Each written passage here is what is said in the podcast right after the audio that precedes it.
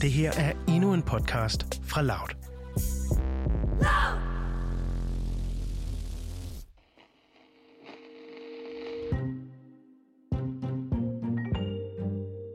Hani sanki 13 yaşındaki. Det kan godt være, at jeg var 21 år, men jeg var meget umoden som en 13-årig, så den slags det strejfede ikke engang mine tanker.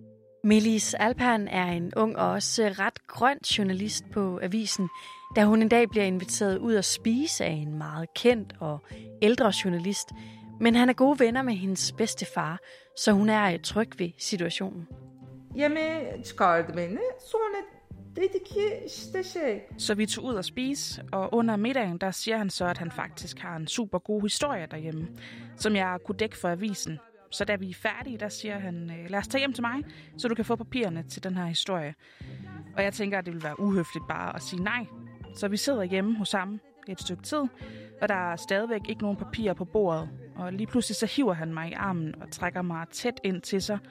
Og han låser mig fast i sådan en slags danseposition, og så siger han noget i retning af, hvad så skal vi gøre det, eller hvad? Og jeg vrister mig så hurtigt ud af hans greb og spænder ud af døren nærmest, vælter ned ad trappen for at komme væk derfra i en fart.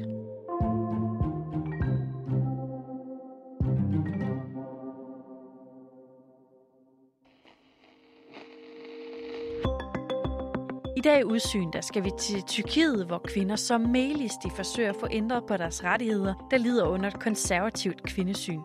De forsøger at få sat skub i en MeToo-bevægelse, som sætter seksuel chikane på dagsordenen, men i Tyrkiet der blev flere end 470 kvinder dræbt bare sidste år, og paradoxalt nok så er de her mange drab på netop kvinder med til at modarbejde deres aktivisme. Derfor frygter kvinderne, at den tyrkiske MeToo-bølge den knap nok når sit allerførste skvuld, før den forsvinder igen.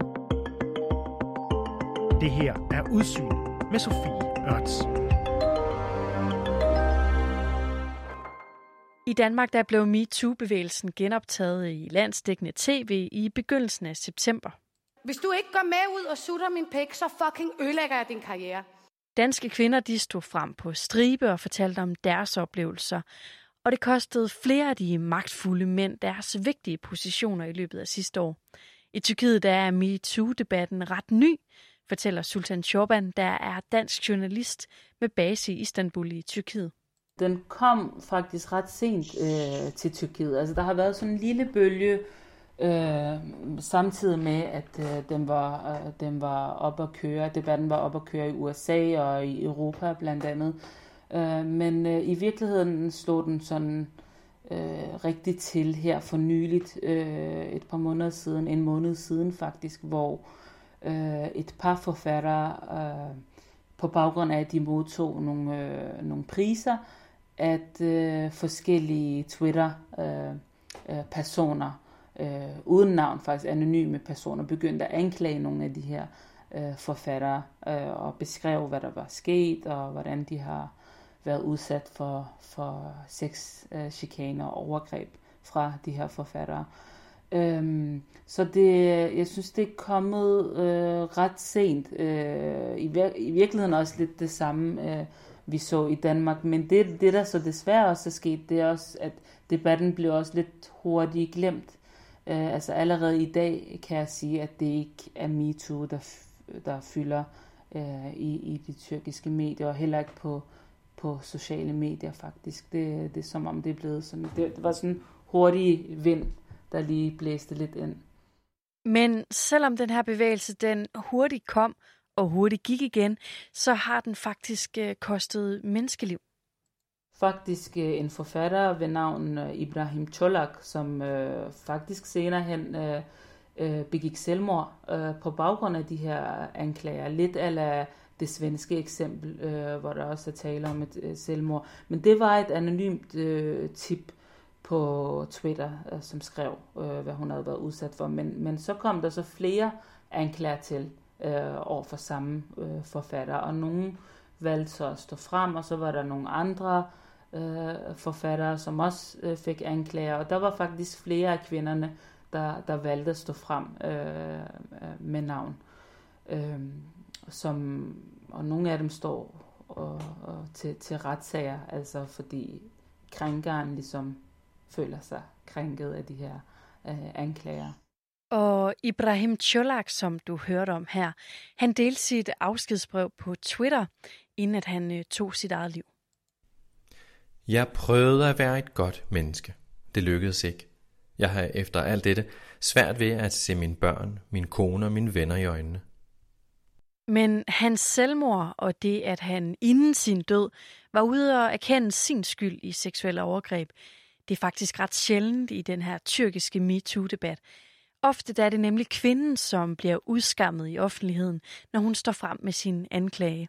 Det mener i hvert fald Milis Alpan, som var hendes journalisten, du også øh, mødte i begyndelsen.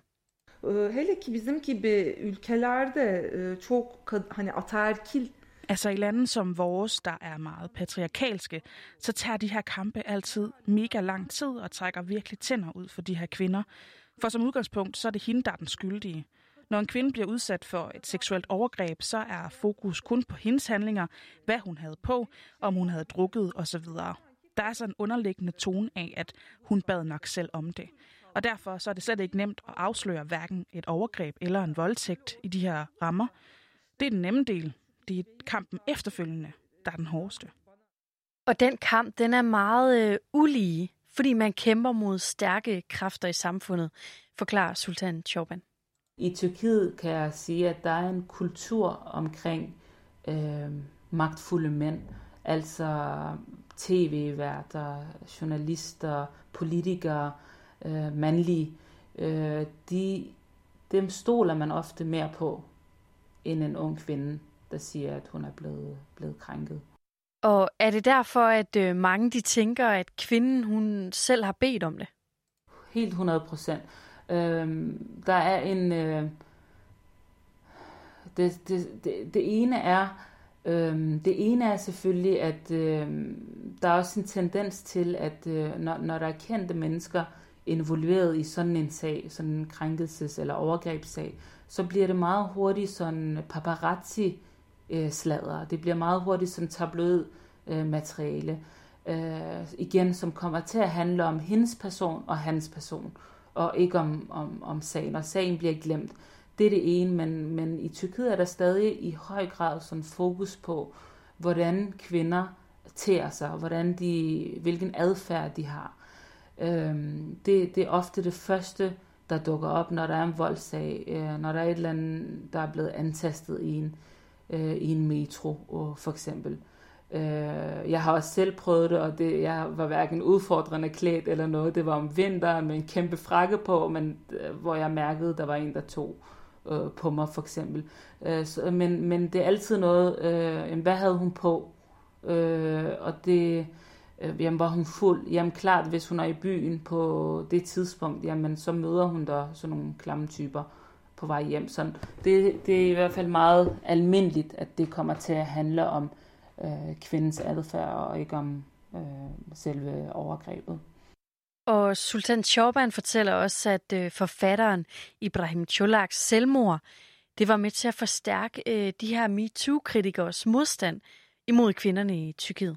Efter at, øh, at den her ene forfatter begik selvmord, så synes jeg også lidt, at det var som om, at det blev kvindens skyld igen, fordi det var hendes historie, der ligesom skubbet ham til selvmord. Så, så er der ikke nogen, der spørger, måske havde han allerede psykiske problemer, måske havde han et helt andet trauma, som blev trigget af det her. Uh, men, men der synes jeg også i virkeligheden, at man lidt lukkede, uh, uh, lukkede debatten uh, med, at han begik selvmord, som om, at det fik for, for store skader uh, for nogle mænd. Da Milis Alpan hun gik ud og delte sin oplevelse fra ungdom på avisen, der gjorde hun øh, ligesom Sofie Linde gjorde herhjemme.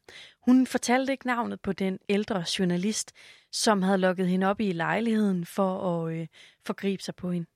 Ben de bu e, Türkiye'de Twitter'da edebiyat dünyasında bu e, ifşalar başlayınca ben de Jeg vil gerne støtte bevægelsen, og derfor valgte jeg at dele min historie på Twitter. Øh, men jeg ønskede altså ikke at dele hans navn, og det har jeg min egen grund til, for i Tyrkiet der kommer det meget hurtigt til at blive slibrigt tabloidstof, så snart det drejer sig om kendte personer, og jeg vil fortælle om øh, magtmisbruget i mediebranchen. Men det skulle altså vise sig, at det ret hurtigt gik hen og fik øh, konsekvenser for Milis. Øh, jeg kunne se, at der, hun fik rigtig meget kritik for, for ikke at øh, afsløre, hvem det var. Øhm, altså, at man skulle vide, hvem det var. Og det... øhm, øh, lidt, lidt af den kritik, øh, Sofie Linde også fik, øh, da hun fortalte sin øh, historie.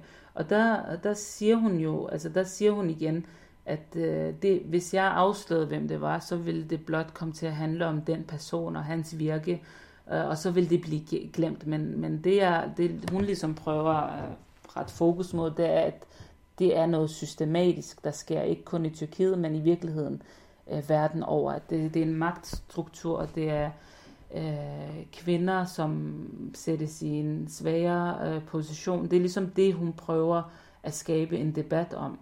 Øh, så, så derfor har hun ikke øh, lyst til at afsløre, hvem det er. Men det er også øh, fordi, at vi har set flere eksempler på, og det fortæller hun mig sådan lidt, øh, øh, lidt indirekte, men at hun faktisk også er bange for, at øh, hun kan ende med at betale et eller andet sindssygt beløb til ham, fordi hun ligesom har, ja, hvad kalder man det, sådan karaktermor, kan man sige, ikke? Altså fordi hun, øh, og hun kan jo i virkeligheden heller ikke bevise det, der er sket.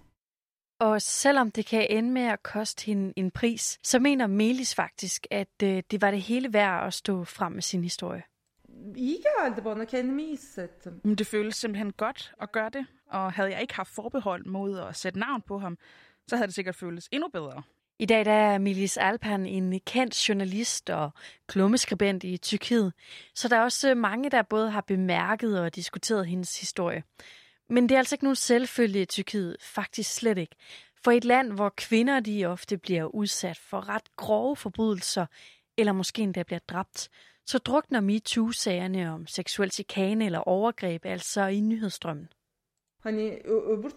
På den ene side bliver en kvinde brutalt slået ihjel, og på den anden side bliver en kvinde udsat for for eksempel et verbalt overgreb med klare seksuelle undertoner. Og den er jo ikke svær, vel? Altså, lad mig sige det som journalist.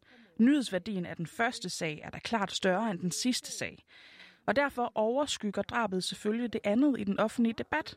Men det betyder ikke, at MeToo-sagerne ikke er vigtige. Tværtimod, det skal ses i klar sammenhæng med hinanden. Og den her prioritering, den går altså igen i samfundet.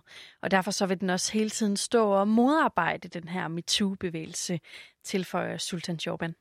Man vægter de store, de alvorlige, øh, de voldelige problemer mere end den her slags MeToo-historie. Det er måske en af problemerne øh, til. Så hvis man kan, hvis man i virkeligheden kan begynde at tale om, at det er øh, problemer, som har råd i det samme i, virkelighed, i virkeligheden. Det kommer fra samme ligesom mandsdominerede øh, kultur, det kommer fra de samme magtstrukturer, jamen så kan man måske også begynde at se, at det her er, også, det her er lige så vigtigt som en kvinde, der er blevet dræbt af sin mand.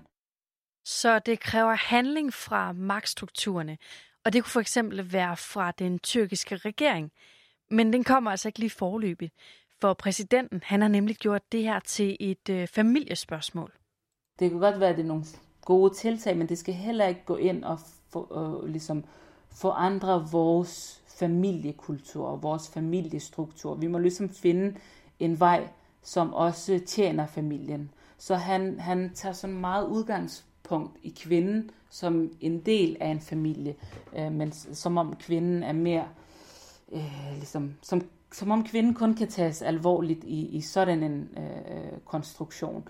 Øh, så jeg vil sige, fra regeringens side er der ikke et, øh, er der ikke et forsøg på at øh, tage de her emner op. Tværtimod, det, det er nogle andre ting, man, man vægter. Og når jeg også kigger på, så vil jeg sige sådan, kvindebevægelserne, kvinderettighedsorganisationer, der, der, der ser jeg desværre også, at man, det er som om, at man også for at kunne bryde igennem, øh, vælger de, de ekstreme eksempler, som, som så er drab og vold i hjemmet.